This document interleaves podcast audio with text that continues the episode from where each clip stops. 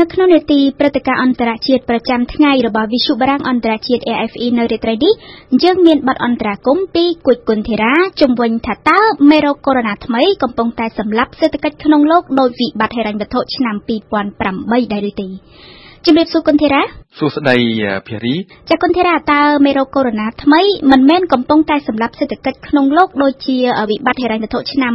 2008ទេឬក៏យ៉ាងណាដែរទៅ ពិបាកផ្ដល់ចម្លើយមួយច្បាស់លាស់ពីរីព្រោះអ្វីអ្វីវាអាស្រ័យលើកត្តាច្រើន ពិសេសឥទ្ធិពលរបស់ COVID-19 ពិតណាស់ COVID-19 ដែលមានប្រភពចេញពីចិនហាក់កំពុងថយល្បឿននៅចិនដោយចំនួនអ្នកស្លាប់និងអ្នកឆ្លងមានការធ្លាក់ចុះគួរឲ្យកត់សម្គាល់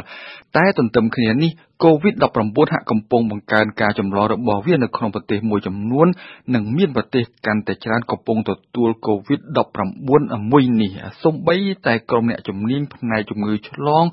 ក៏មិនហ៊ានប្រមាលទុកនិងមិនអាចនិយាយបានទេពីកំណើនឥទ្ធិពល និងពីថ្ងៃអវសាននៃ COVID-19 អ្វីដែលគេអាចនិយាយបានភារី បើ COVID-19 បន្តមានឥទ្ធិពលនិងវត្តមានកាន់តែយូរ ផលវិបាកក៏នឹងមានកាន់តែខ្លាំងចំពោះជីវិតមនុស្សនិងសេដ្ឋកិច្ចក្នុងលោក តែគេមិនត្រូវភ្លេចនិយាយទេថាពេលខ្លះផលវិបាកនៃការភ័យខ្លាចហាក់បានដឹកមុខផលវិបាកកើតចេញពី COVID-19 ពិតពិតជាក់ស្ដែងក្នុងសប្តាហ៍នេះតម្លៃភាគហ៊ុននៅផ្សារភាគហ៊ុនក្នុងលោកបានដាំក្បាលចុះយ៉ាងខ្លាំងពិសេសនៅក្នុងតំបន់អាស៊ីដូចយ៉ាងនៅចិនហុងកុងជប៉ុនកូរ៉េត្បូងហ្វីលីពីនឬមួយក៏ប្រទេសអូស្ត្រាលី Moody ដែលជាទីភ្នាក់ងារវាយតម្លៃហានិភ័យប្រាក់បំណុលបានឲ្យដឹងថាអាស៊ីប៉ាស៊ីហ្វិកជាតំបន់ដែលកំពុងប្រឈមនឹងមេរោគកូវីដ -19 ថ្មីខ្លាំងជាងគេនៅអាមេរិកតម្លៃភាគហ៊ុននៅផ្សារភាគហ៊ុន Wall Street បានធ្លាក់ចុះយ៉ាងខ្លាំងគិតតាំងពីវិបត្តិហិរញ្ញវត្ថុសកលក្នុងខែតុលាឆ្នាំ2008 ពេញមួយសប្តាហ៍នេះតម្លៃភាគហ៊ុននៅផ្សារភាគហ៊ុន Wall Street បានបាត់បង់ជាង10%នៅពេលបិទទ្វារនាថ្ងៃសុក្រម្សិលមិញអ្វីដែលច្បាស់ពេលនេះបើស្ថានភាពមេរោគកូវីដ -19 ថ្មីនៅបន្តមានដូចអសពថ្ងៃស្ថានភាពនៅផ្សារភាគហ៊ុនក្នុងលោកអាចនឹងបន្តរំជើបរំជួលដូចក្នុងសប្តាហ៍នេះអញ្ចឹងភារី សម្រាប់ចិនឯណោះវិញគុណធីរ៉ាផលវិបាកកើតចេញពីមេរោគកូវីដ -19 ថ្មីបានហុចលទ្ធផលជាក់ស្ដែងលើកទី1រដ្ឋាភិបាលក្រុងប៉េកាំងបានប្រកាសពីការធ្លាក់ចុះវិស័យកម្មន្តសាលជាប្រវត្តិសាស្ត្រនៅក្នុងខែកុម្ភៈដូច្នេះតើមានកត្តាអ្វីខ្លះដែលនាំឲ្យវិស័យកម្មន្តសាលធ្លាក់ចុះយ៉ាងដូចនេះគុណធីរ៉ាអ្វីដែលគួរបញ្ជាក់ដំបូងភារីចិនបានយកលេខ50 ជាតួលេខគោលដើម្បីកំណត់ពីសកម្មភាពនៅក្នុងវិស័យកម្មន្តសាលមានន័យថា បើលើសពី50វិស័យកម្មន្តសាលមានសកម្មភាពស្វាហាប់និងចម្រើន ហើយបើធ្លាក់ក្រោម50គឺមានសកម្មភាពធ្លាក់ចុះការិយាល័យស្ថិតិជាតិចិនបានប្រកាសក្នុងថ្ងៃសៅរ៍នេះថា សកម្មភាពក្នុងវិស័យកម្មន្តសាលនាខែកុម្ភៈមានត្រឹម35.7ពល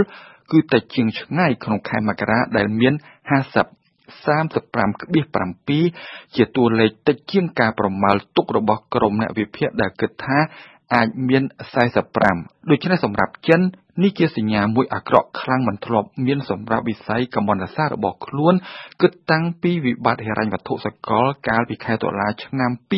2008ចំពោះហេតុផលវិញភារីមិនបាច់ស្វែងរកឆ្ងាយពីមេរោគកូវីដ -19 ថ្មីទេមេរោគថ្មីមួយនេះបានបង្ខំចិនឲ្យចាត់វិធានការតឹងតែងនិងចាស់ដៃជាច្រើនក្នុងរយៈពេល2ខែកន្លងទៅវិធានការទាំងនោះមានដូចជា បិទការចេញចូលទីក្រុងវូហានដែលជាប្រភពផ្ទុះ COVID-19 និងរឹតបន្តឹងការធ្វើដំណើររបស់ពលរដ្ឋចិនរាប់សិបលាននាក់វិធានការក្រុងមនុស្សរាប់សិបលាននាក់មិនឲ្យធ្វើដំណើរនេះបានកម្រិតការចំណាយរបស់ពលរដ្ឋទាំងនោះជាស្វ័យប្រវត្តិបន្ទាប់មក ការបង្ខំពលករចិនរាប់សិបលាននាក់ឲ្យបន្តវិសមកាលចូលឆ្នាំចិន បានធ្វើឲ្យដំណើរការចង្វាក់ផលិតកម្មគ្រប់ប្រភេទជាប់គាំងពិសេសការផលិតគ្រឿងបន្លាស់និងវត្ថុធាតុដើមគ្រប់ប្រភេទសម្រាប់ផ្គត់ផ្គង់ដល់តម្រូវការក្នុងពិភពលោក ក្រៅពីភាពរអាក់រអួលក្នុងវិស័យឧស្សាហកម្ម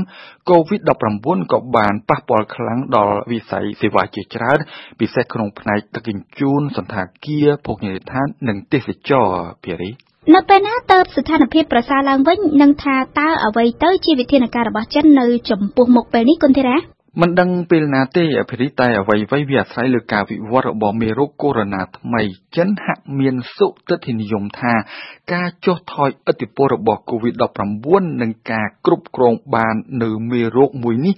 អាចនឹងអនុញ្ញាតឲ្យខ្លួនផ្ដើមចង្វាក់ផលិតកម្មបន្តិចម្ដងបន្តិចម្ដងឡើងវិញខណៈនេះរដ្ឋាភិបាលចិនបានលើកទឹកចិត្តដល់រោងចក្រសហគ្រាសមួយចំនួនឲ្យផ្ដើមការងាររបស់ពួកគេឡើងវិញជាបណ្ដាបណ្ដានៅចំពោះមុខពេលនេះរដ្ឋាភិបាលបានប្រកាសឲ្យដឹងក្នុងសប្តាហ៍នេះនៅមហាផែនការមួយដើម្បីជួយគ្រប់គ្រងដល់រោងចក្រសហគ្រាសចិនខ្នាតតូចនិងមធ្យមបន្ទាប់មករដ្ឋាភិបាលក៏បានលើកទឹកចិត្តដល់ធនាគារឲ្យផ្ដល់ប្រាក់កម្ចីក្នុងអត្រាការប្រាក់ទាបគួររំលឹកថាកន្លងមកពលក្នុងពេលផ្ទុះមេរោគកូវីដ -19 ថ្មីយ៉ាងពេញទំហឹងរដ្ឋាភិបាលចិនបានបញ្ចេញលុយជាង171,000លានដុល្លារដើម្បីជួយគ្រប់គ្រងវិស័យសេដ្ឋកិច្ច បើតាមក្រុមអ្នកវិភាគ COVID-19 បានធ្វើឲ្យចិនបាត់បង់ទឹកប្រាក់សរុបជាង140,000លានដុល្លារនៅក្នុងវិស័យសំខាន់ៗជាច្រើនតាមក្រុមអ្នកវិភាគដដែលចិនដែលកំពុងមានកំណើនសេដ្ឋកិច្ចទាបខ្លាំងគិតក្នុងរយៈពេល30ឆ្នាំចុងក្រោយ អាចនឹងបន្តស្គាល់កំណើនសេដ្ឋកិច្ចធ្លាក់ចុះបន្ថែមដោយសារមេរោគកូវីដ -19 ថ្មី តែគេមិនត្រូវភ្លេចនិយាយទេថា បើសេដ្ឋកិច្ចចិនធ្លាក់ចុះសេដ្ឋកិច្ចក្នុងលោកក៏នឹងធ្លាក់ចុះទៅតាមនឹងដែរភារីសូមអរគុណគុជគុណធីរ៉ាសម្រាប់បទអន្តរាគមន៍ក្នុងនេតិព្រឹត្តិការណ៍អន្តរជាតិប្រចាំថ្ងៃនៅរាត្រីនេះ